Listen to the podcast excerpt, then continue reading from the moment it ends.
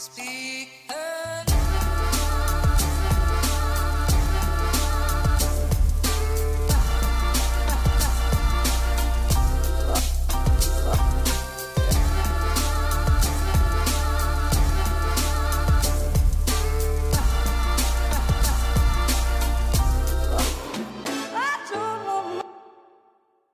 God dag, mine deilige små bjørnunger der ute. Ja, velkommen hit til Klagemuren. Mitt navn er Kevin Kildahl. Det er fredag den 8. april, og klokka mi er 16.34. Da har vi gjort unna papirarbeidet. Ja.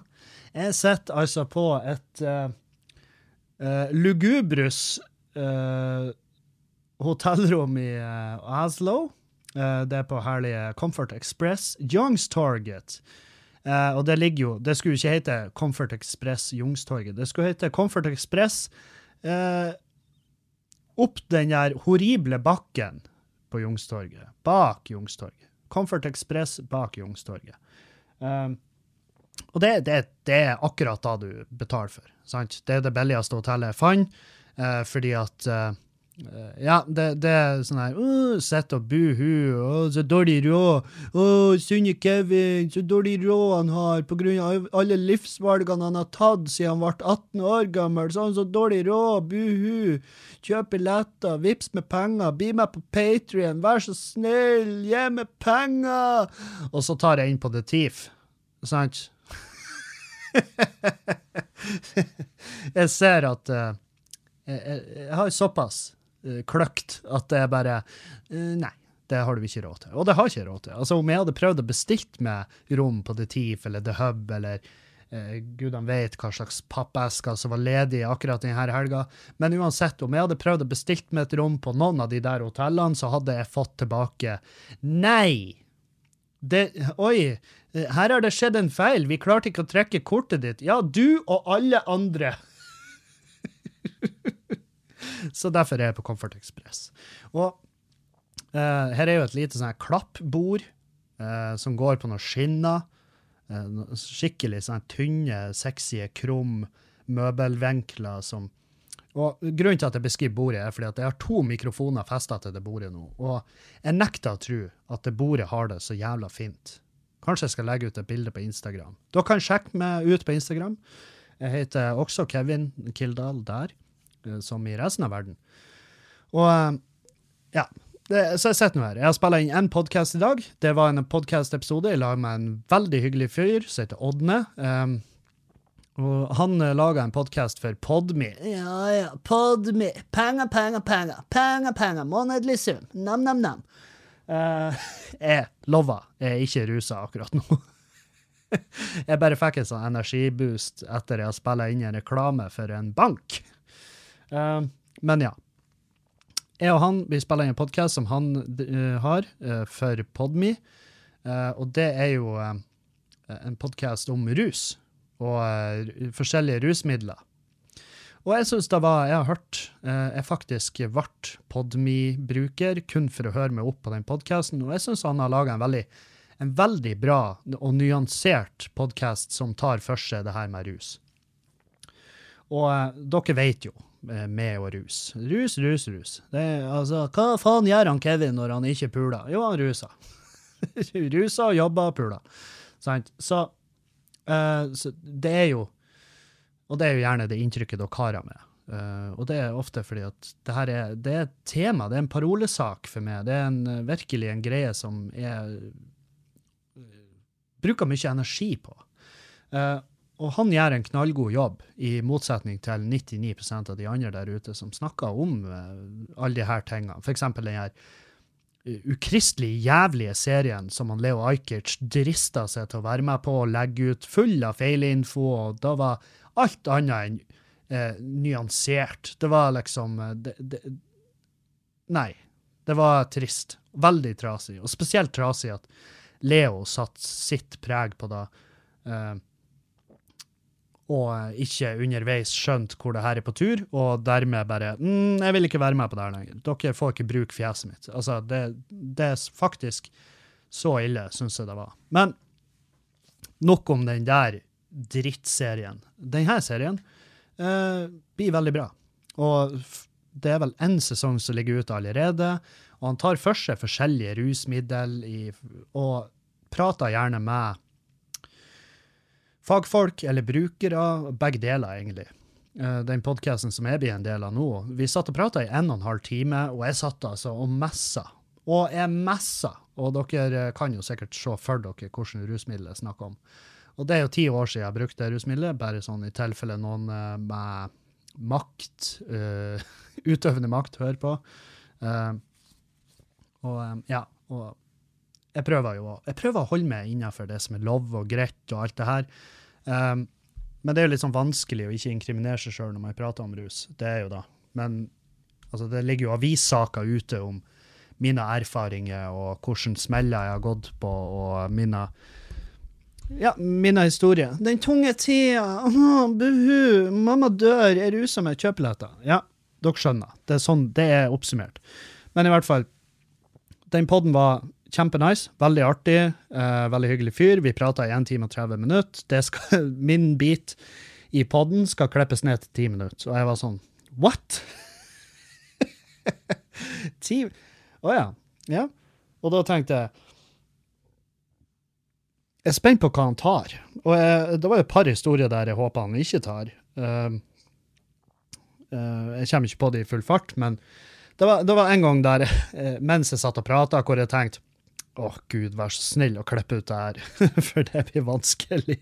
Det blir jævlig vanskelig å liksom skal ta stilling til da eh, foran en jury. Men altså Nei, det er, det er bare glad at Skipsted Schibsted og Podme og det gjengen der har eh, sett matnøtta i å få litt, få litt fersk, god, u, altså sånn, og unbiased, altså hva det blir, eh, habil info der ute. Ikke bare, ikke bare, ikke, hvis du intervjuer noen som jobber på et akuttmottak for overdoser, så eh, har de eh, så har de gjerne ei side av saken. Med mindre de selvfølgelig klokka ut en fredag klokka tre og bare 'Ja, da var skiftet mitt over', og så drar de rett ut i skauen og et flein. Eh, det skjer nok. Det noe, altså, statistikken vil nok ha det til at eh, flere av de som jobber på de her anstaltene, har faktisk eh, et rekreasjonelt forhold til rus sjøl.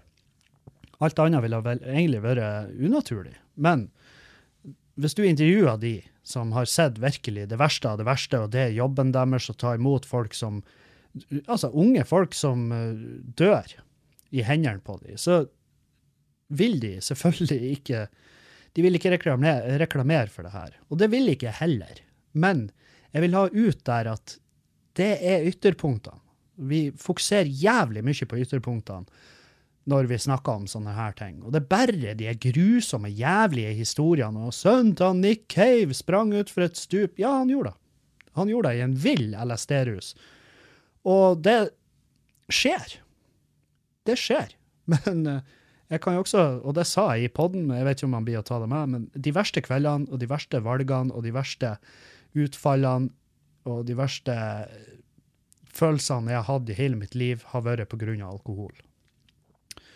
Og da har jeg medregna amfetamin, som jeg satt og høgde i meg fra dashbordet på Outlanderen før jeg gikk på jobb for ti år siden.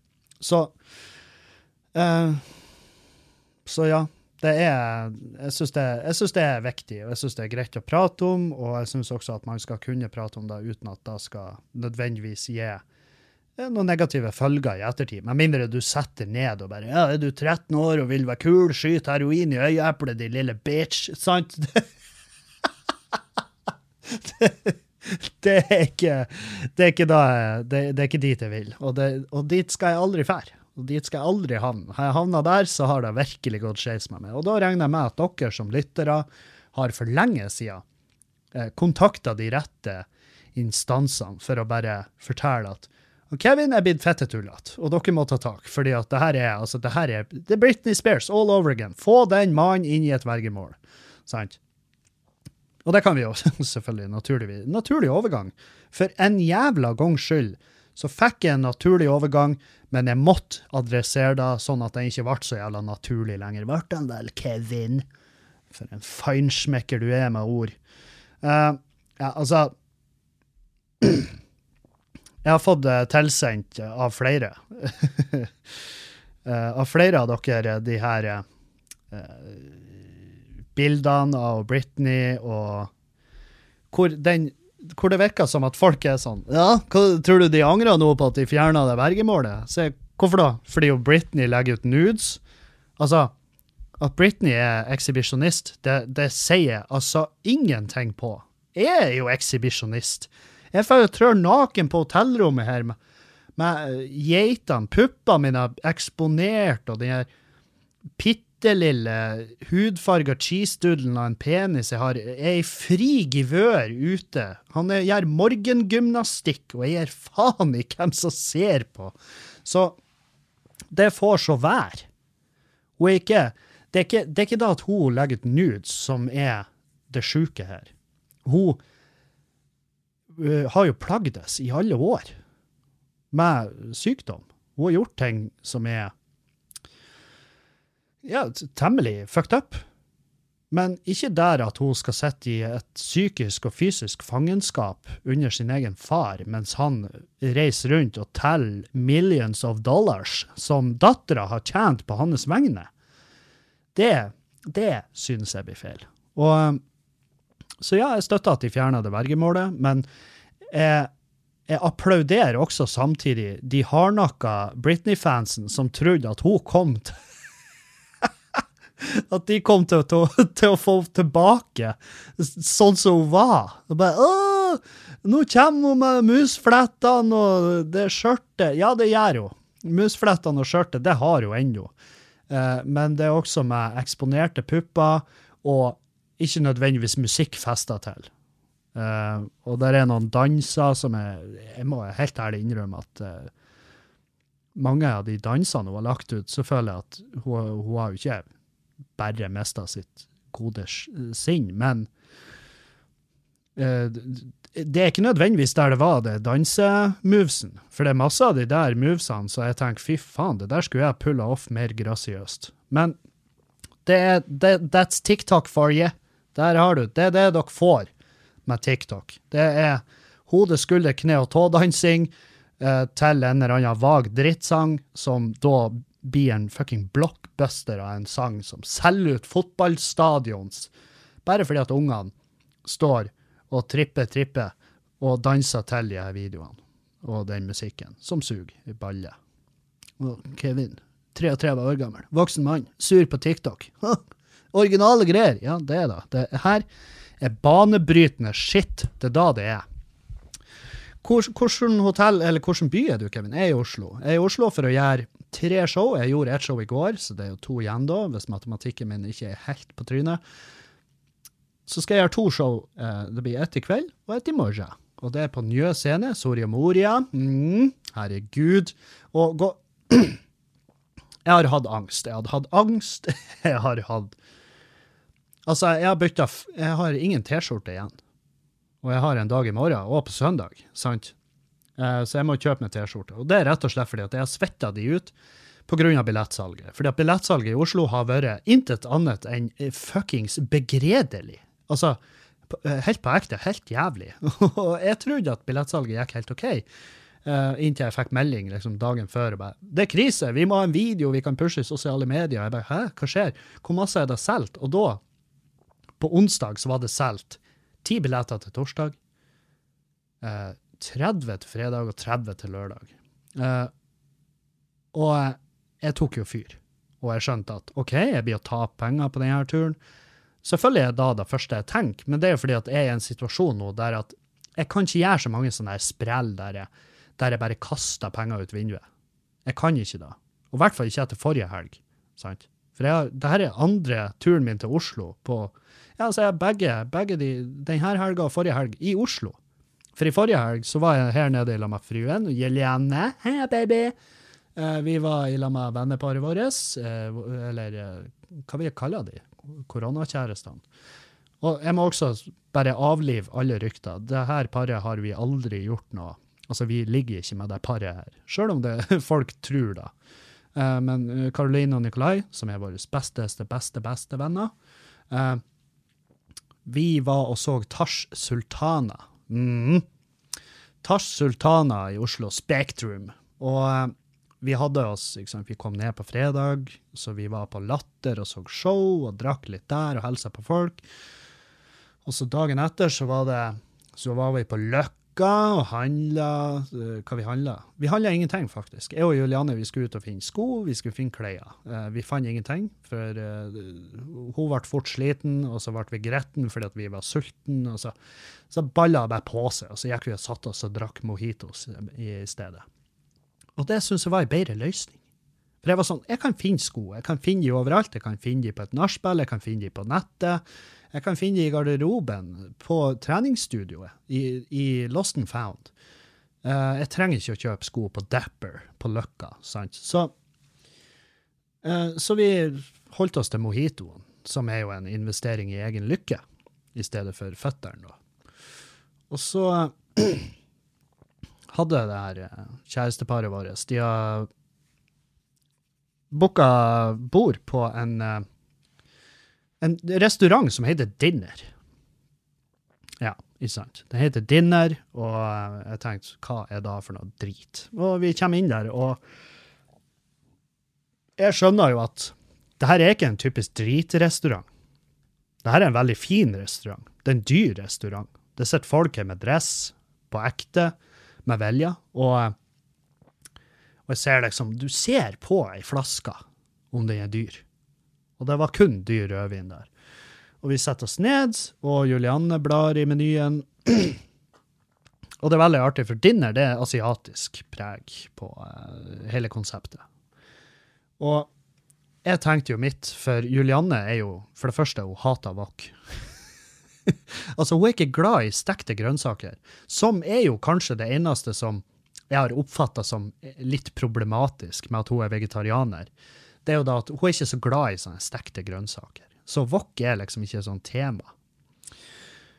Og wok var jo da basically det eneste hun kunne gå for på den restauranten, for det var, det var ikke så sykt mange valg. Um, så hun bestilte seg noe da.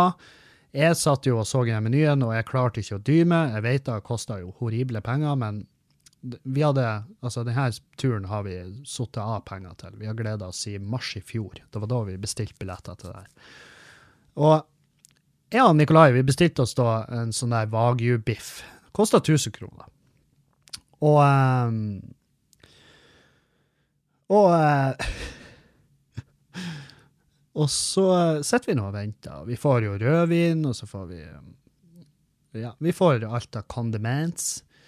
Og så kommer de altså bort med et fat med noe finskiva wagyu-biff. Og det er utvilsomt wagyu-biff, for jeg har sett masse videoer av de.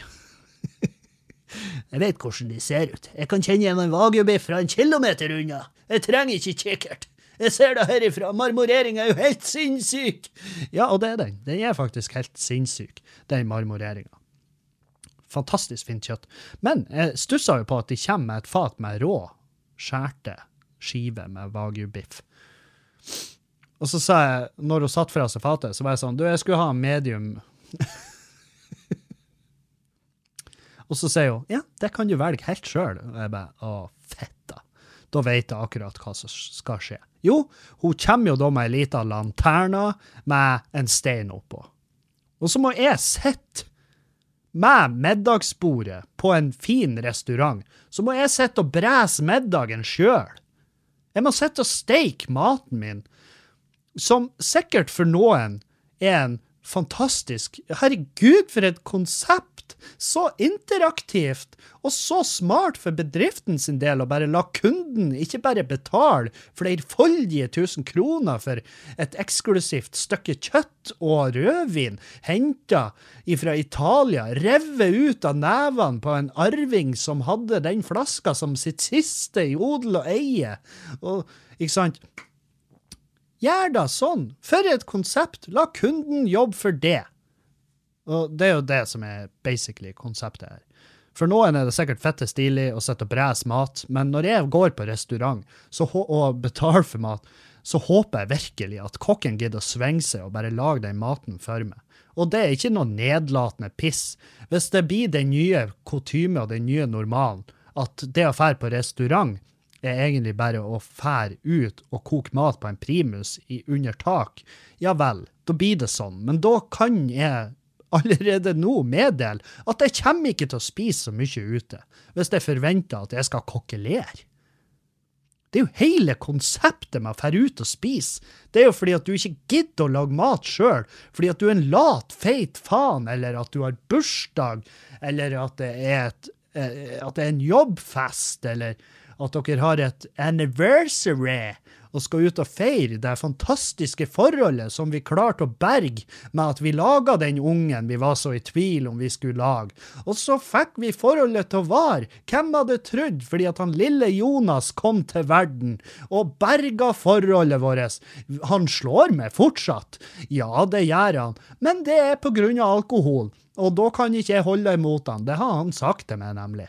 Så og jeg sier ikke at du blir konebanker bare fordi at du digger å lage mat sjøl på restaurant. Jeg bare syns det er et kjempecorny konsept. Og i hvert fall til den prisen. Altså, 1000 spenn. Gidder du? Hadde du gidda å bare varme maten for meg? ja, så det, akkurat det konseptet traff ikke meg helt. Det gjorde jo ikke da. Og jeg ble jo naturligvis kokken, for Nikolai var redd for å brenne kjøttet. Og det var jo jeg òg, for jeg hadde jo kjøtt der til 1000 kroner til meg, og 1000, altså 2000 kroner i bare kjøtt som jeg måtte steke sjøl. Og jeg var sånn sorry jeg, sorry, jeg er ikke kokk, jeg er tømrer. Og hun bare ja, ja, du har betalt, så sånn blir det. Og, så, ja, og det ble jo Det var jo god mat. Herregud. Kjempegodt. Og hadde jeg fått den biffen der servert ferdig laga, så kanskje jeg har sittet her nå og sagt, vet du, Wagyu-biff, fem dager i uka. Uansett, koste hva det koster fuckings vil, jeg gir faen. Men Wagyu fem dager i uka.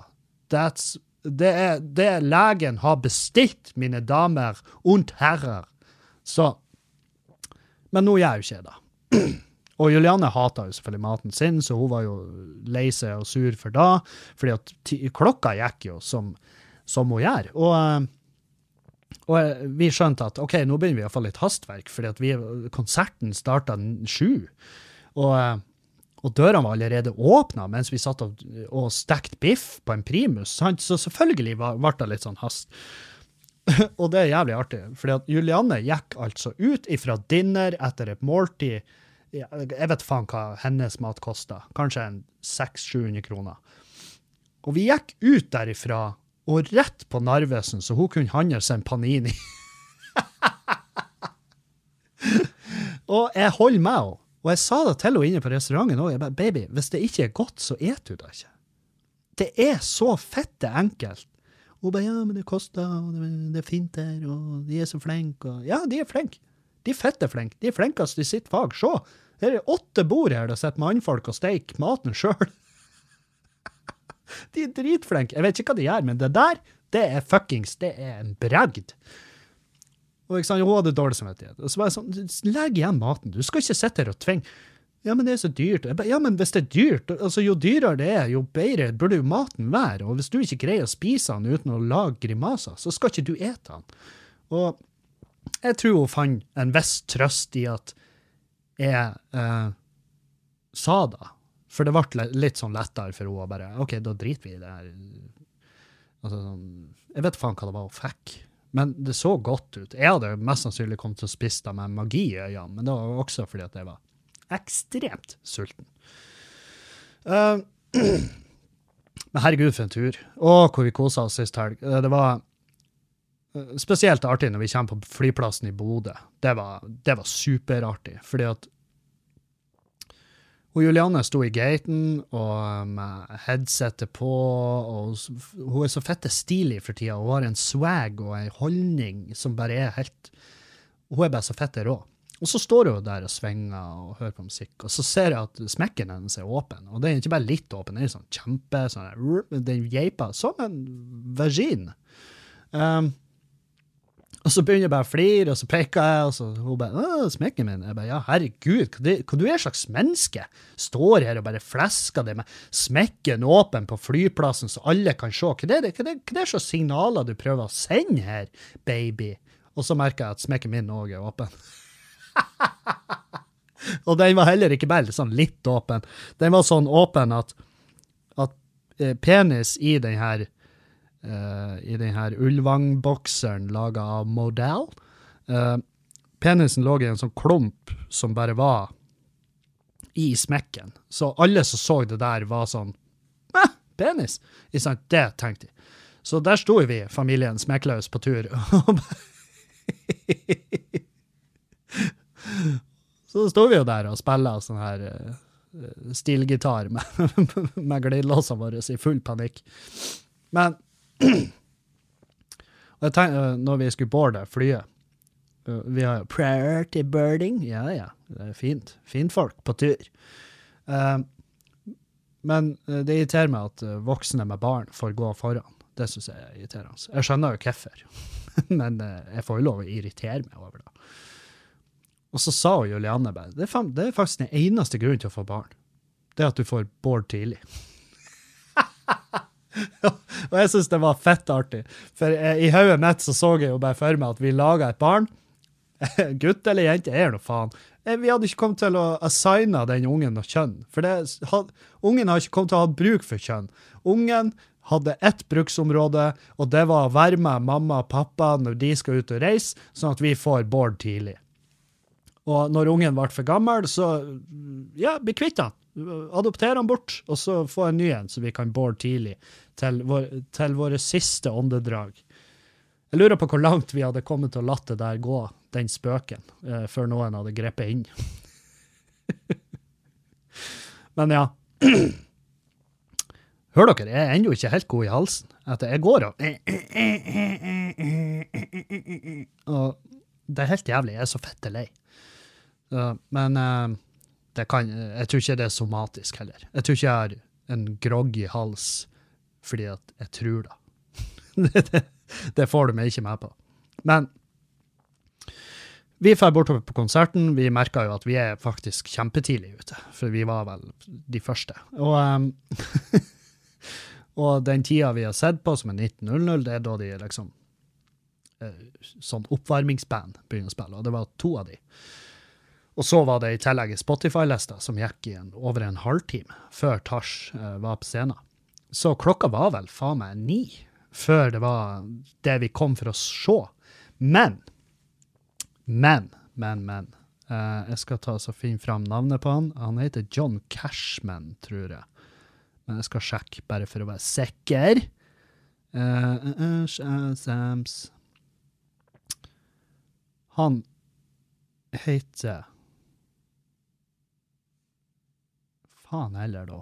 Har ikke jeg shazama det? Nei, jeg shazama det aldri fordi at det, navnet hans sto på uh, en storskjerm på uh, scenen der. Han heter Josh Cashman.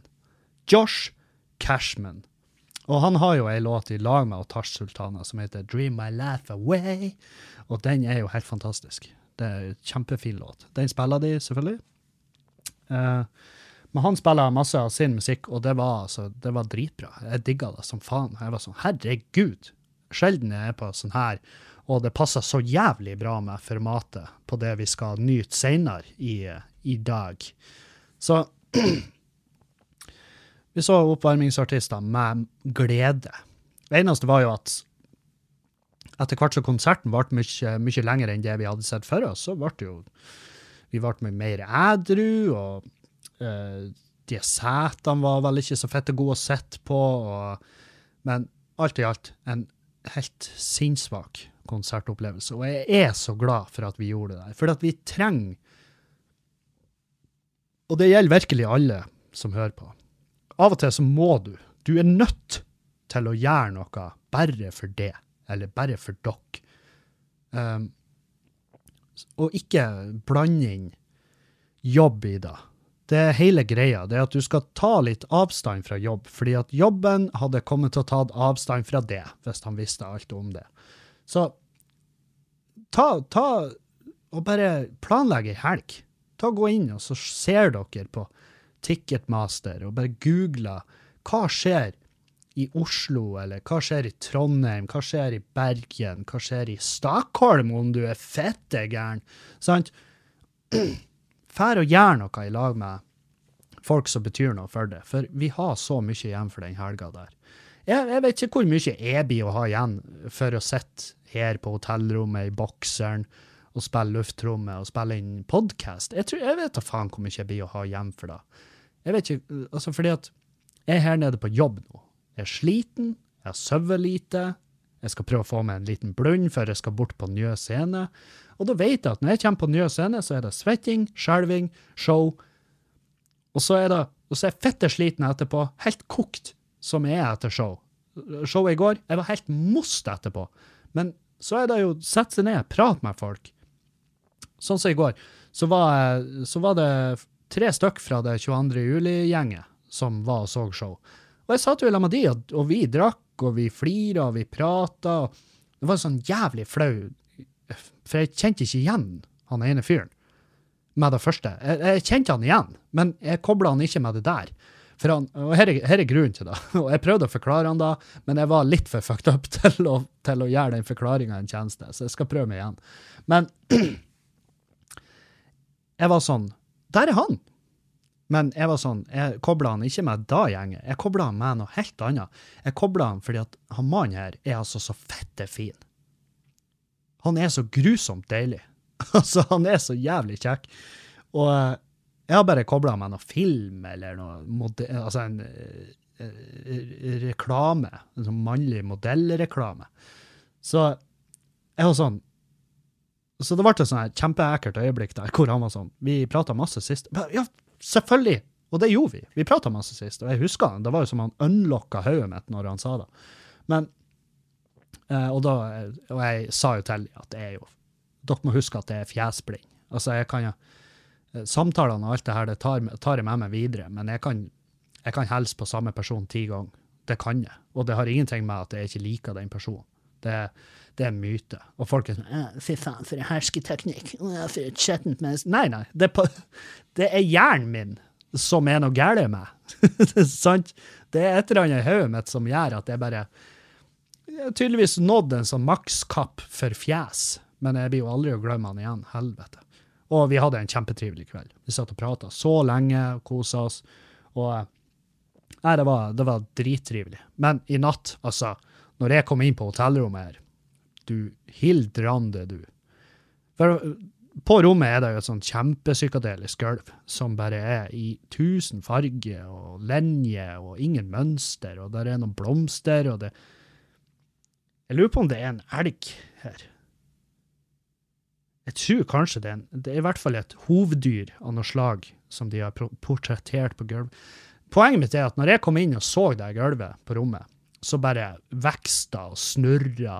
Og, jeg hadde ikke og Mange av dere gjør tanken Å, hva hadde han ha tatt? Jeg har ikke tatt en drit. Jeg har drukket alkohol. Og så rommet snurra ikke. Det, det ekspanderte og imploderte samtidig. Du kan forstå. Jeg var kjapp å legge meg i senga og se rett opp i det hvite taket. Og der måtte jeg ligge. For det her vet jeg. Jeg har drukket og jeg har rusa meg i så mange år at jeg vet at når du er så fucked up som det der, så legger du det ikke. Spesielt når det er alkohol i bildet. For da våkner du til en enda mer grusom mann. Eller kvinne. Eller uh, ingen, ingen, av delene. Rett på meg sjøl der. Men ja, for jeg legger meg ikke i en sånn rus. Ikke faen. For da er jeg altså så tarvelig når jeg våkner. Da er jeg et, da er jeg et gyselig gyselig menneske. En horribel, et enormt jævlig eksempel på hva som er et fungerende menneske, når jeg legger meg og sover med den type rus. Så jeg la, la meg ned og face facerapa meg sjøl og så litt på TV og litt sånn hegger, og så uh, hadde jeg heldigvis til slutt søvna. Og så våkna jeg altså, Og jeg har sikkert søvna i femtida. Og så våkna jeg klokka sju av at sjefen min eh, på, uh, i Bodø ringte meg. og bare, 'Hvor i faen er du?'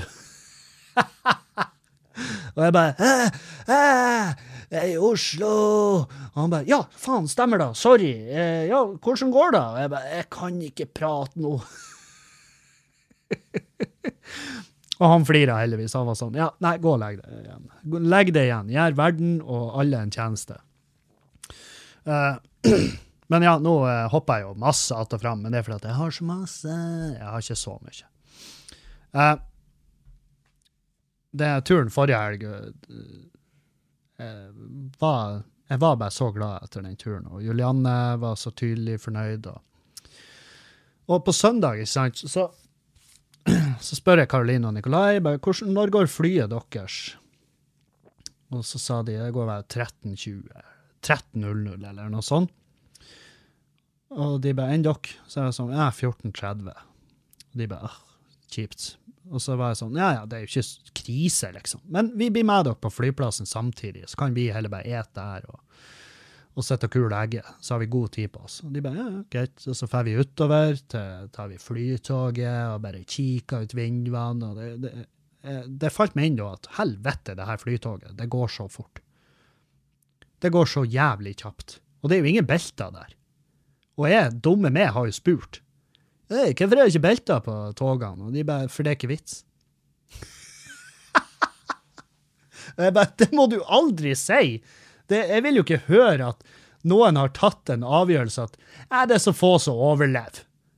Så når de først krasjer, de her, så er det jo tomatsaus i hver vogn uansett. Det er ikke nøye. Det, det, det, er, det, er ikke lenger, det er ikke lenger et togsett. Det er en rekke med blikkbokser med krossede tomater. Det er det dere får her. Derfor gidder vi ikke å bruke penger på de beltene, for de har ingenting å si. Og så tenker jeg sånn, ja, men det er jo Det er jo belter på fly. og de går jo enda fortere. Og jeg hører enda sjeldnere om historier der folk overlever en flykrasj.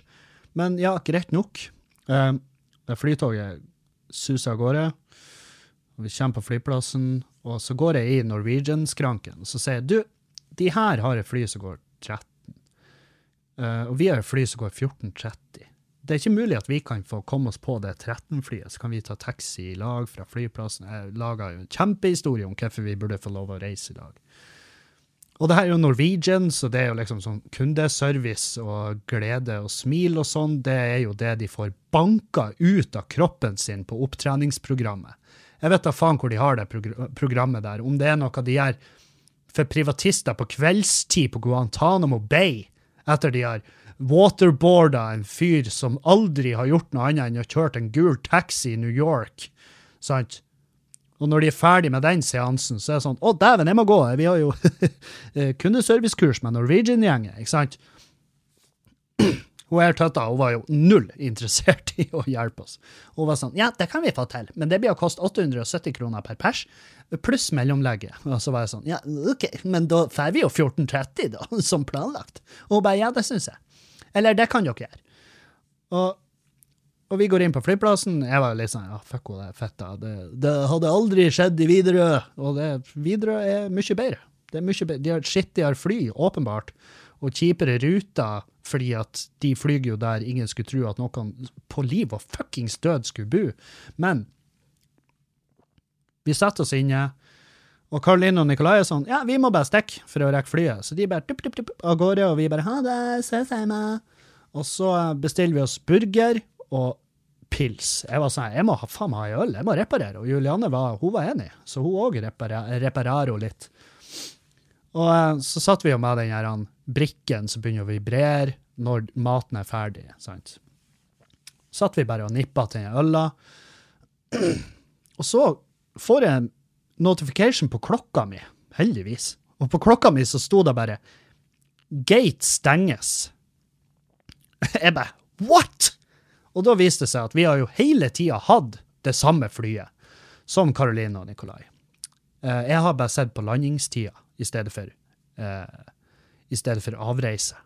Så takk fette Gud for Garmin-klokka mi. For hvis ikke, så hadde forrige søndag vært den verste søndagen i mitt fuckings liv.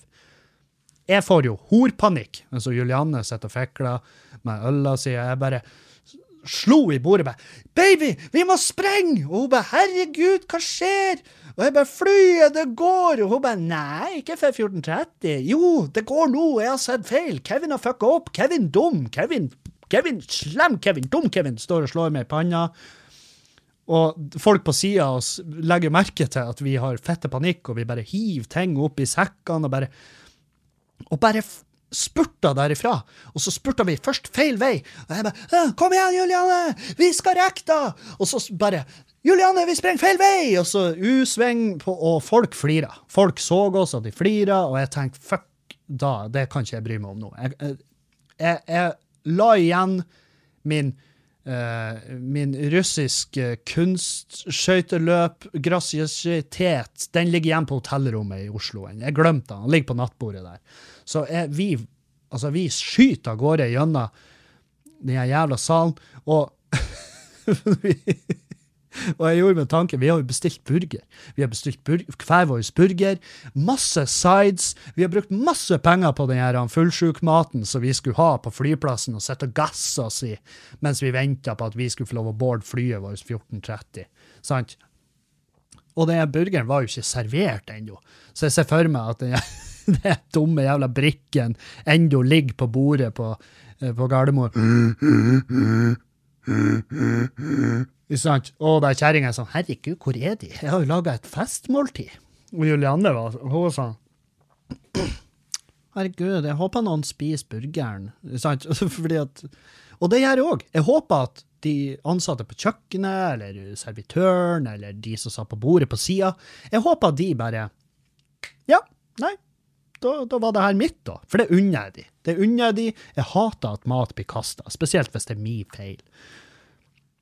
Men vi fikk oss jo ikke den maten vi ville ha, men vi fikk oss faen meg, vi fikk oss jo plass på flyet, og det var Og jeg vet ikke hva oddsen for det her er, men den kan jo ikke eksistere.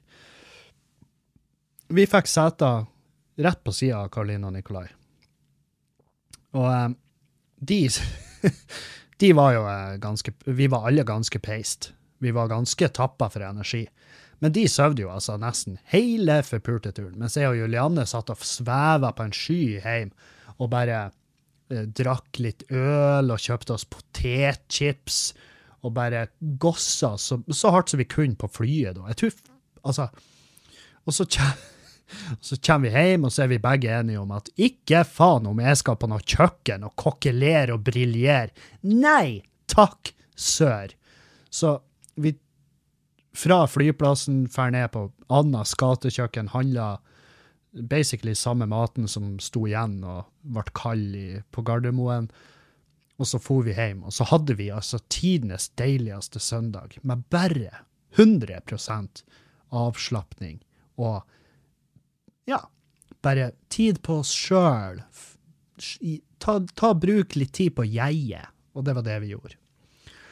Så denne uka så er det Humor Njø, eller Njø har jeg fått beskjed om.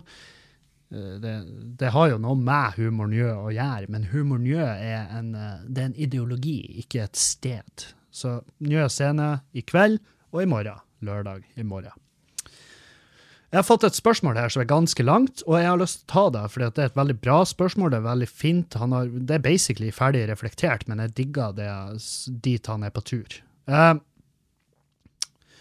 Hei!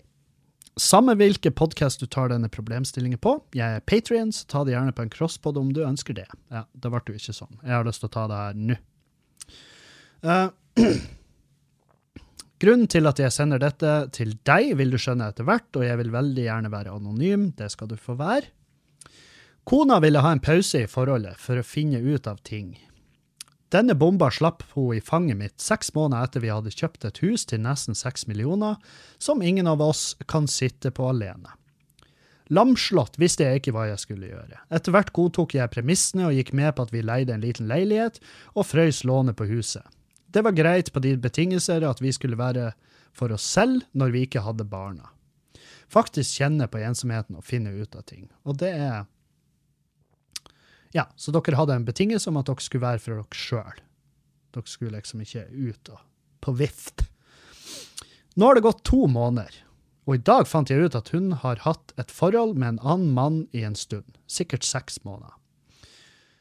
I et jævlig raseri prøver jeg å få tak i henne med å lete etter henne og ringe febrilsk, hun svarer ikke, lunta brenner. Når jeg sier i en SMS at hun må komme hjem og passe barna som sover, sover på loftet, og meg finner hun i en sk- Ja. OK, det her skal jeg lese på nytt. Og her, før dere dømmer, så må dere forstå at det her er et desperat menneske. I et jævlig raseri prøver jeg å få tak i både henne Nei, få tak i henne både med å lete etter henne og ringer febrilsk. Hun svarer ikke, lunta brenner. Når jeg sier i en SMS at hun må komme hjem og passe barna som sover på loftet, og meg finner hun i en skog hengende fra et tre, ringer hun etter fem sekunder. Telefonen var på lydløs, og hun så det nettopp. Yeah right. Og det er han som skriver yeah right. Etter en lengre samtale i telefon, hvor hun endelig innrømmer hva hun har gjort, ber jeg henne komme hjem så vi kan finne ut av hva vi gjør nå, noe hun motvillig går med på. Hun bruker naturligvis litt tid, så jeg får tid til å tenke på. Slik jeg ser det, har jeg to valg. Gjøre det slutt tvert, hive henne ut, selge huset og sitte her igjen med restgjeld og annen gjeld og begynne helt på scratch i en alder av 42? Eller nummer to her, jeg elsker for faen dama enda. Gi, hen, gi, dette en sjanse til, gi barna noe trygt og godt de kan kalle hjem. Det er en tung kamel å svelge, men da hadde jeg din stemme i hodet, Kevin, fra de, en av de forrige podkastene dine. Hvorfor må noe være slutt bare fordi noen puler, puler, noen andre? Hvorfor må det være en absolutt? Selv om jeg på ingen måte er poli, polyamorøs, så har det gitt meg noe å tenke på. Jeg sitter her nå med dette tunge valget. Hadde det bare vært oss to, hadde valget vært enklere. Ja, det skjønner jeg. Men jeg har to jenter på ni og elleve som er livredde for å måtte flytte og at mamma og pappa skal skilles. Frem til nå har vi hatt det fint og nesten aldri kranglet. Barna gikk i sjokk når de fikk vite at vi skulle ta en pause. Jeg tør ikke tenke på hvordan de tar dette. Og om vi skilles nå og finner tilbake etter ett til to år, er uansett alt vi har bygd opp, borte. Jeg er litt i samme situasjon som deg med forbrukslån og banker som ler av meg. Et liv i grus og sorgens kapittel. Derfor tror jeg at dine ord, Kevin, blir tungtveiende for meg. Hvorfor må det være en absolutt? Andre kommer nok til å se på meg som en ynkelig mann, noe jeg føler meg som akkurat nå, men jeg gir fullstendig faen i hva andre synes. Andre folk kan reise til helvete, og det er jeg helt enig i. Det, det, var faen ikke mye trøst å få når jeg satt alene i leiligheten. Hva gjør jeg med han andre fyren? Skal Hva jeg gjør med han andre fyren, skal jeg ta opp med Kripos i et avhør. Takk, Kevin. Neste gang du kommer hit til byen og skal ha show, vil jeg gi deg en klem. Ja. Med vennlig hilsen Anonym. For det første, du skal ikke gjøre noe med han andre fyren der. Han uh, andre fyren der, for alt du vet, og det her knusende, det er helt jævlig, jeg vet det, men hør nå her. Nå, nå, nå skal du høre på han onkel. Jeg må faen meg snu stolen litt, sånn at jeg kan sette meg mer un onklete til rette. Her er greia. Uh, ikke vær, ikke vær klein. Du er 42. Og det vil si at hvis du er 42, så har du levd såpass lenge at du vet at utroskap, det skjer. Og uh, we were on a break! Det er en typisk unnskyldning. Um, men hvis dere var enige om at dere skulle være alene i den tida, så har jo hun, uh, så har jo hun brutt den, den tilliten der. Uh, og det skjønner jeg. Det er jævlig vanskelig å komme seg bort ifra. Men her er poenget mitt. Det er at han fyren har ikke nødvendigvis gjort noe galt. Mot, altså han, med mindre det er bror din, sant? så må du huske at det er følelser i sving overalt her. Det er ikke bare du som har følelser. Og det som kan være utrolig kjipt å tenke på og helt jævlig å ta stilling til, er jo Det kan jo faktisk hende at hun ikke lenger har de samme følelsene for det som du har for hun, og kanskje at hun er blitt veldig glad i han fyren her, og at hun ser for seg å egentlig ha et liv sammen med han, men pga. jentene og pga. den veldig veldig kjekke ordninga dere har med at det var pause, i anførselstegn, så så hun en mulighet til å faktisk få en smak av, ja, av det gresset på den andre sida. Og jeg har jo sagt, liksom Når jeg og Julianne har prata med hverandre om det her, at vi er åpne, eh, og hvor går grensen, og så og så har jo et spørsmål som har kommet opp. Ja, men Eimest, jeg ligger med ei jente som jeg får plutselig har masse følelser i sving. Eller at hun ligger med en fyr, og det er masse følelser i sving. Så sa vi bare at ja, men da skal vi for det første Hvis vi merker at det her er på tur å bli skummelt, for det er det jeg kaller det, det er skummelt for forholdet vårt, så setter man jo selvfølgelig den ordninga på vent, og så finner vi ut av det. Og hvis hun Julianne hadde funnet en fyr som hun var mer glad i enn meg eh, Det hadde fullstendig Selvfølgelig. Det, det hadde vært Altså, jeg kan ikke engang leke med tanken uten å få tårer i øynene. Det er helt jævlig. Men jeg, det handler ikke om meg. Verden handler ikke om meg. Verden handler om hver enkelt persons egne. sant? Så hvis Julianne hadde møtt en fyr hun likte bedre enn meg, ja, da skulle jo selvfølgelig hun ha vært i lag med han, ikke med. Og jeg har ikke kommet til å holde henne som gissel i forholdet. Jeg har en gang i mitt Ja, en. Det har sikkert skjedd flere ganger. Men en gang som jeg husker, hvor jeg har vært sånn der uh, Sånn heng med Jeg henger med. Det her er din feil. Sånn, der. Det, og det regner jeg med. Jeg regner med at du har hatt såpass tid å reflektere på akkurat det punktet at du skjemmes over det. For det er, det er, en, det er en tarvelig måte å få kontakt på. Uansett. Det er ikke, altså, gevinsten er ikke verdt det du har lagt på bordet der. Det er det ikke. Fordi at det, den desperasjonen, den hjelper ingen. Og desperasjonen, du kan ikke styre det. Du er i en helt jævlig situasjon. Men det, det jeg ber deg om, er ikke involvere ungene. Og da mener jeg ikke Og det, det her er liksom, det her har jeg vært vitne til sjøl, og det er så fette. Det er det jævligste jeg ser og hører. Det er når foreldrene prater ned den andre forelderen til ungene, uh, og gjerne deler om hva de har gjort og sånn. Men, nei, det, det, får, det får han stå for. Det er jo han som har gjort det. Og ungene mine fortjener å vite det. Gjør de da? Gjør ungene dine på den alderen, fortjener de å vite da? Eller skal de få vite når de er voksne nok til å reflektere rundt faktisk hva det er den ene forelderen har gjort? Jeg ser, og jeg ser folk i sånn her rein, i ren desperasjon, og selvfølgelig i helt horrible øyeblikk, hvor de legger ut på Facebook og liksom tagger to personer. 'Håper dere blir lykkelige i lag.' sant? Og det her, det er sånn uh, For det å, være, det å ligge med andre er kjempevanlig. Det skjer altså så mye oftere enn man gjerne skulle tro. Og det er kjipt, og det er trasig, og det er offer i alle himmelretninger der. Men de som ikke fortjener å være offer for det her kaoset, som forhold ofte kan være, det er ungene. For ungene må få lov å være i fred til at de blir gamle nok til å ta stilling til sånne ting. Så vær så snill, ikke involver ungene, og ikke, gå, ikke gjør noe fysisk med han fyren der. Det For det første, det, det blir kun å gi deg trøbbel. Uh, Kjerringa di ikke Hun blir ikke å se på det som en bra greie. Hun, blir ikke å, hun kommer ikke til å bli sånn her herregud, han kjemper for meg. han kjemper for, Se hva han kjemper for meg. Han står og tramper ut tennene hans midt i gata her. herregud, han er altså så glad i meg. Jeg skjønner ikke hva jeg tenkte på. Nei, det har aldri skjedd. Så ikke noe trusler. ikke... Jeg vil faktisk anbefale deg å bare ikke ha kontakt med han fyren. Ikke send han en melding, ingenting. Ignorer han. Hvis du møter han på butikken, bare gå forbi, lat som ingen jævla ting. For han fyren er bare Han er bare han er bare luft i det her, egentlig. Han har ingen rolle annet enn at selvfølgelig er han jo en Altså, han er jo en del av noe som forstyrrer forholdet, men ikke i den forstand at du skal drepe han og stå til rette hos Kripos, fordi at da eh, Nei.